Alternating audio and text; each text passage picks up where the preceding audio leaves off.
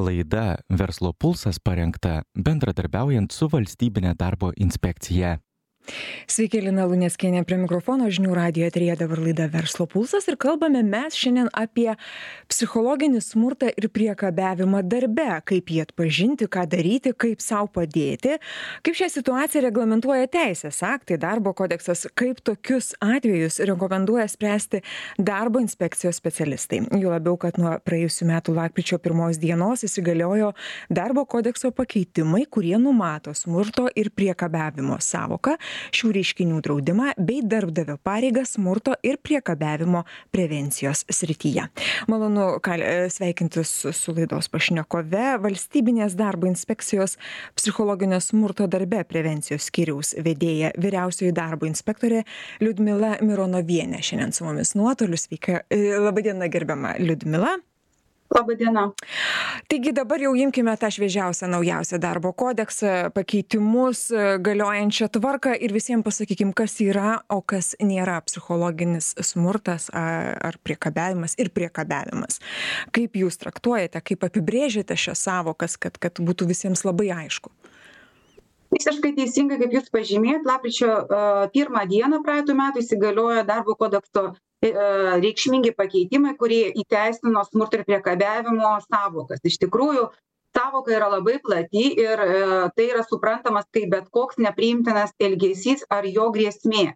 Nesvarbu ar nepriimtinu elgesiu vieną kartą ar pakartotinai siekiama padaryti fizinį psichologinį seksualinį ar ekonominį poveikį. Ar nepriimtinu elgesiu šis poveikis padaromas ar gali būt padarytas. Arba a tokiu elgesiu įžeidžiamas asmens orumas arba sukuriama bauginanti žeminanti įžeidžianti aplinka ir ir atsirado ar gali atsirasti žala. Na darbo kodeksas numato kad smurtas ir priekabiavimas yra draudžiamas tiek darbo vietose darbo funkcijų atlikimo metu tiek įvairių pertraukų metu pavyzdžiui pertraukos pailsėti pavalgyti iš įvairių išvykų metu, taip pat su darbu susijusio bendravimo metu, pakelių į darbą arba iš darbo arba darbdavio suteiktame būste. Liudmila, jūs paminit, kad netinkamas elgesys. Vienam tas netinkamas elgesys, na, atrodys netinkamas, o kitam visai galbūt ir, ir, ir nieko. Kaip va čia atskirti, kaip čia takoskira apibrėžiama, nes iš tiesų ta, ta linija tokia labai plonytė šioje vietoje iš tikrųjų yra labai plona linija dėl to ir atsiranda e, darbdavio pareiga reglamentuoti visgi koks elgesys yra priimtinas ir nepriimtinas kad kiekvienam žmogui būtų aišku ir suprantama. Nes vienam kaip jūs teisingai sakot yra tas elgesys yra kaip ir normalus kitam nenormalus. Tai va tam ir numatyta darbdavio būtent darbdavio aktyvus vei veikimas šitoje srityje apibrėžiant kas tai yra antras dalykas visgi kiek aišku kad ne ne kiekviena nemaloni situacija darbe yra laikoma psichologiniu smurtu nes kiekviena situacija gali sukelti tam tikras neigiamas a nei tam tikrus neigiamus išgyvenimus neigiamas reakcijas.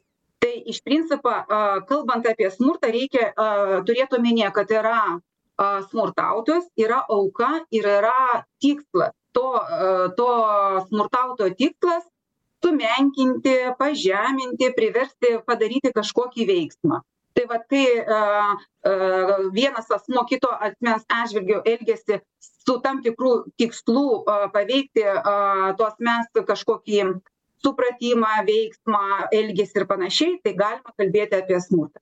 Liudmila kalbėkim pavyzdžiais kad va taip būtų labai aišku.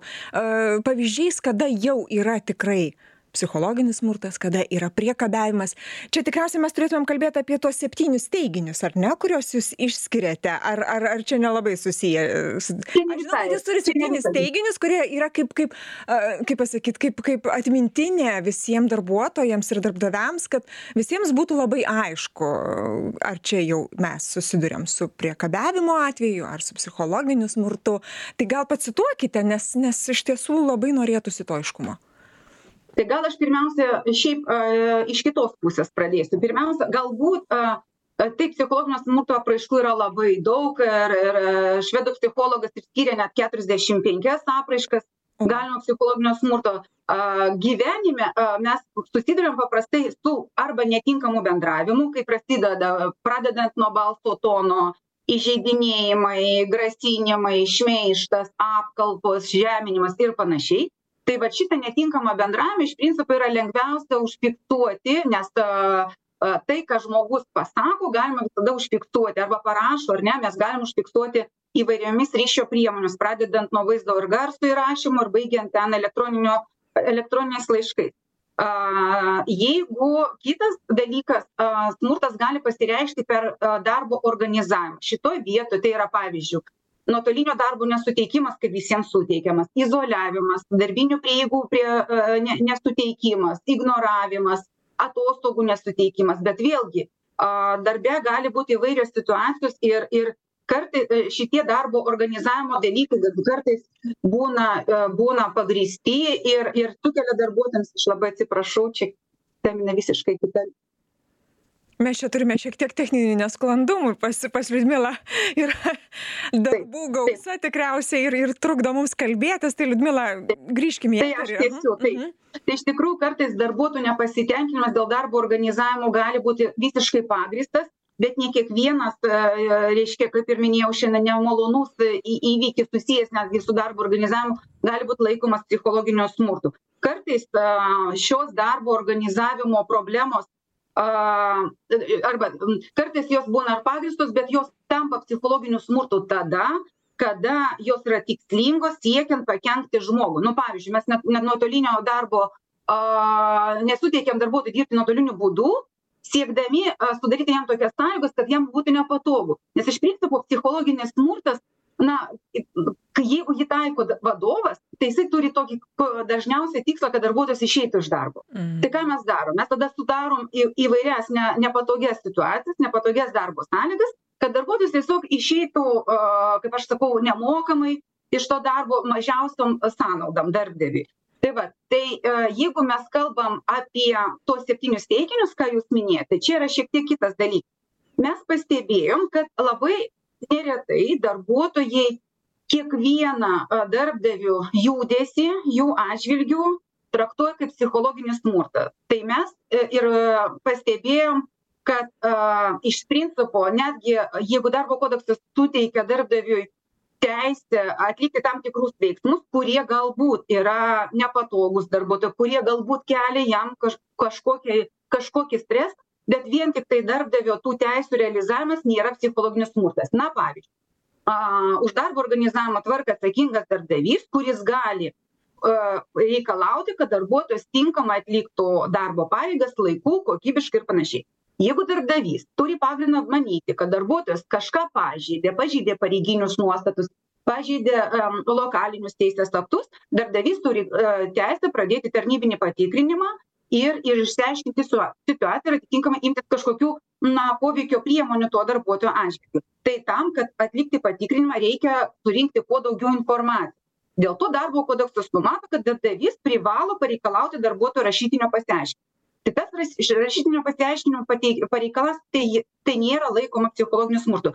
Tai yra darbo proceso dalis skirta tam kad darbdaviui būtų aiškios visos aplinkybės kurios įtakoja darbuotojų tam tikrą elgesį. Ir galbūt jeigu darbuotojas pateiks objektyvų pa paaiškinimą tai darbdaviui net nekils joks noras taikyti drausminio poveikio priemonę arba a daba labai darbuotojams nepatinka a darbdavio kritika. Taip mes visi įsivaizduojam kad mes dirbam geriausiai ir ir ir niekad mums mūsų niekas nekritikavo. Bet vėlgi darbdavys turi teisę pateikti darbuotojui pastabas svarbiausia ne ką sakom o kaip sakom. Ar ne ta pastaba a turi būti korektiška etiška dalykiška nežeminanti. Arba darbdavio a a tiesiog reikalavimas ir reiklumas atlikti darbą. Nu vėlgi mes čia grįžtam prie mano to pirmo a e epizodo. Jeigu darbdavys reikalauja pagal darbo sutartį a darbuotojas įsipareigoja atlikti darbo sutartyje siūlytą darbą darbdavys atitinkamai suteikti da tą darbą ir apmokėti sumokėti atlyginimą. Tai natūralu kad darbdavys gali kontroliuoti kaip darbuotojas tą darbą atlieka. Tai tas reikalavimas atlikti reiklumas reikalavimas atlikti darbą tai nėra psichologinis smurtas. Bet šitoj vietoj yra vienas niuansas.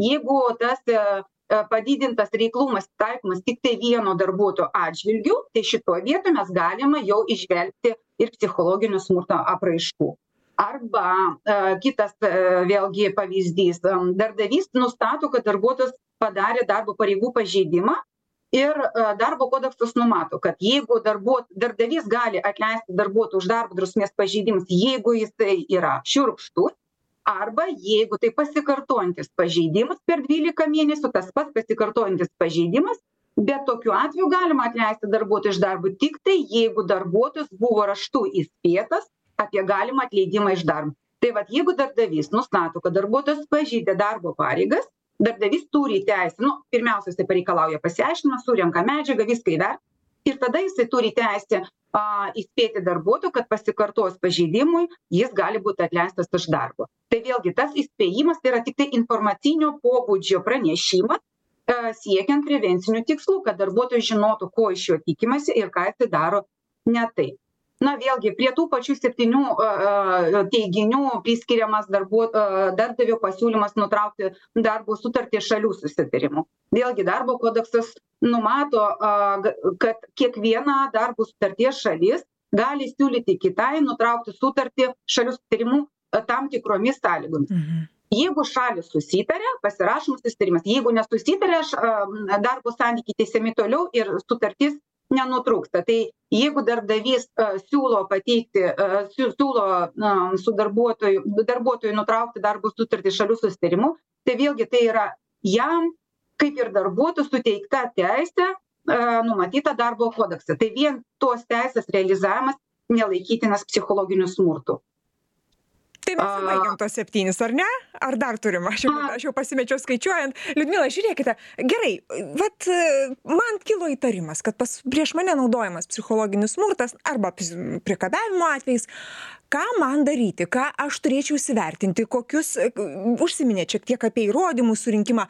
Kokia būtų jūsų rekomendacija kad jeigu vat nu kilo žmogui dar darbuotojui įtarimas kad čia jau vyksta ką jisai turi daryti ir kuo jisai turėtų pasirūpint principo galbūt reikia paminėti du pagrindinius aspektus. Pirmiausia jeigu a ką mes matom dažniausiai darbuotojų skundai yra grindžiami tiktai jų subjekty darbuotojų subjektyvia nuomone ir įsitikinimais a bet e, ne neturint jokių objektyvių įrodymų. Tai jeigu asmuo mano kad jo atžvilgiu kažkas elgiasi netinkamai jis turi būt aktyvus ir pradėti rinkti įrodymus kitas dalykas. Galimas toks variantas jeigu a darbuotojas ne netinkamą elgesį patiria iš savo bendradarbių tokio pačio pavyzdžiui kolegos ar ne?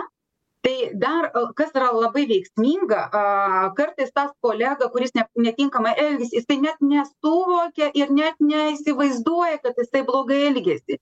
Kaip pavyzdžiui tie tie patys pajuokavimai. Vienam jisai sukelia reiškia šypseną o kitas labai jautriai priima. Tai jeigu asmuo mano kad jo atžvilgiu e kolega elgiasi netinkamai jisai turi tą žinią pa pranešti tam savo kolegai ir pasakyt žiūrėk stop su manim taip nekal nekalbėk man tai nepriimtina nes na aš įžvelgiu šitoj vietoj tavo netinkamą bendravimą.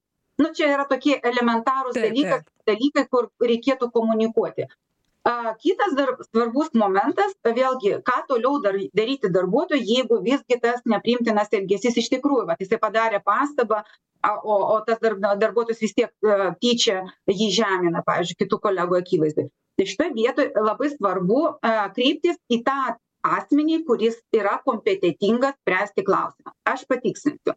A darbo kodeksas reglamentavo a pareigą a kiekvienam darbdaviui nepriklausomai nuo darbuotojų. Skaičiaus patvirtinti pranešimų apie smurtą ir priekabiavimo pateikimo ir nagrinėjimo tvarką. Reiškia kiekvienas darbuotojas kuris patiria smurtą iš savo iš savo bendradarbio arba iš savo tiesioginio vadovo pirmiausia turi komunikuoti tą žinią a savo įmonės vadovui. Tai reiškia kad jisai turi raštiškai kreiptis įmonė ten įstaiga organizacija nustatyta tvarka taip kaip darbdavys reglamentavo toje smurto ir priekabiavimo pateikimo ir nagrinėjimo tvarkoje tvarkoje. Tačiau jeigu bus nustatyta kad reiškia darbdavys nieko nedaro darbdavys gavo a tą informaciją ir nieko nedaro nereaguoja arba pats įmonės vadovo taiko psichologinį smurtą čia darbuotojas gali kreiptis tada į išorės institucijas tai yra į darbo inspekciją su skundu na arba jeigu jisai patyrė žalą kažkokią turtinę ar neturtinę į darbo ginčų komisiją. Tai va šitoj vietoj dažnai darbuotojai a kaip elgiasi ne taip kaip reikėtų. Jie patiria smurtą iš ar nepriimtiną elgesį iš savo bendradarbių ir kreipiasi į darbo inspekciją su skundu ir sako va žiūrėkit mano atžvilgiu netinkamai elgiasi. Tada mes klausiam pas įmonės direktorių tai ar jums buvo žinoma? Jisai sako aš pirmą kartą žinau dėl to ir yra ta būti pareiga. Pirmiausia darbuotojas praneša tą žinią savo viduj įmonės viduje savo vadovybei ir jeigu vadovybė ne nekreipia dėmesį nesudaro komisijos nereaguoja įdeda kažkur tą skundą į stalčių tada jau kyla įmonės vadovui pareiga ir atsakomybė už tai kad jisai nesiėmė priemonių a smurtui užkirsti liudmila man vat šitoj vietoj tas įrodymų rinkimas toks atrodo šiek tiek keliantis klausimų dėl dėl kitų žmogaus teisių tenais kad nepažeistum. Pavyzdžiui įrašas daromas ar ne? Nes ne visą laiką gi rašai žinutę ne visą laiką laišką rašai dažnu atveju lab kalbi. A kaip kaip čia reglamentuojama? Ar aš galėčiau įrašyti pavyzdžiui kolegos psichologinį netinkamą nederamą pokalbį su manim? Čia manęs nenubausti baustų atitinkamos institucijos už tai kad aš įrašą darau aukščiausias teismas suformavo praktiką kurioje pasisakė kad jeigu darbuotojas kitais būdais negali apginti savo teisių tai tas garso įrašas gali būt tinkama teisėta įrodinėjimo priemonė. Tai čia aišku natūralu jeigu darbuotojas ateina į darbą aštuntą valandą ryto įjungia ten diktofoną ir vaikšto viską reiškia garso įrašą daro tai ko gero čia bus bus galima kalbėti ir apie asmens teisių pažeidimą ir apie piktnaudžiavimą. Bet iš principo turbūt a darbuotojas a nu nevaikšto ir jam tai neaktualu. Bet jeigu jisai mato kad su kažkokiu kolega yra a yra net na kažkoks tai konfliktas tai kaip ir sakau pirmiausia komunikuok tą žinią pasiųsk tam žmogui žinią kad man netinka o tada jeigu tu matai kad neišeina nu tai taip nes kažkokį kažkaip fiksuoti reikia. Nes tai yra lengviausi fiksuojami dalykai ir paskui tu negali paneigti nes tikrai mes susiduriam ir su garso įrašais ir su su su reiškia elektroniniais laiškais sms žinutėmis kur ten vienas kitam pasiunčia gražią gražią žinią. Tai liudmila dabar jūs prakalbot apie savo šiek tiek jau jau patirtį ką ką kaip yra dabar kaip kaip su skundais ar ar auga skaičius besikreipiančiųjų dėl psichologinio smurto dėl priekabiavimo. Ko ką jūs stebite? Ir labai įdomu tas procentinė statistinė išraiška pavyzdžiui kiek visame vis visoje skundų krūvoje būtent skundai dėl smurto psichologinio smurto ir priekabiavimo sudaro dalį. Aš pasakysiu iš principo dalis visame skundų skaičių nėra didelė nu vėlgi sąlyginai vienam tai daug kitam ne nedaug maždaug septyni aštuoni procentai nuo visų gaunamų skundų darbo inspekcijai būtent yra skundai dėl psichologinio smurto skaičius iš principo ką mes stebim kad iš tikrųjų skaičiai didėja galbūt dėl to kad darbuotojai iš tikrųjų mes dabar labai plačiai visuomenėj kalbama apie psichologinį smurtą tai yra tokia a tema sakyčiau numeris vienas. A ir jeigu mes dvidešim pirmais metais buvo šimtas aštuoniolika tokių skundų dvidešim antrais metais du šimtai trisdešim aštuoni šiais metais mes jau turim du šimtus devyniasdešim tai iš principo neženkliai bet auga. Bet vėlgi yra problema tame kad darbuotojų kaip aš minėjau jau jie kreipiasi iš pradžių į darbo inspekciją nesikreipia į savo vadovus. Galbūt čia irgi yra na žinių stoka ir reikėtų daugiau komunikuoti darbuotojams kaip jie turėtų ginti savo teises bet bet kokiu atveju a kaip sakant jeigu inspekcija ir nenuro neįrodo psichologinio smurto buvimo tai nereiškia kad darbuotojas jo nepatyrė. Ir kas dar svarbu kaip bebūtų darbo inspekcija nepaisant to kokie klausimai yra keliami skunde visada tikrina iš principo ką darbdavys padarė užtikrindamas siekdamas užtikrinti darbuotojams psichologiškai saugią aplinką. Ar jisai imasi tų visų būtinų priemonių kurios reglamentuotos darbo kodekse? Ar jisai organizuoja darbuotojams mokymus? Ar jisai tvirtina tuos lokalinius aktus? Ar jisai reaguoja į darbuotojų nusiskundimus? Tai bet kokiu atveju kiekvieno patikrinimo metu yra tikrinama ką gero ar blogo padarė darbdavys. Ir Liudmila, baigiantis mūsų laidai, jūsų pagrindinė rekomendacija ir tiek darbdaviui, tiek darbuotojui, kalbant būtent apie psichologinio smurto ir priekabiavimo temą, jos, jos kontekste, ką jūs, ką jūs parekomenduosit jūsų esminė?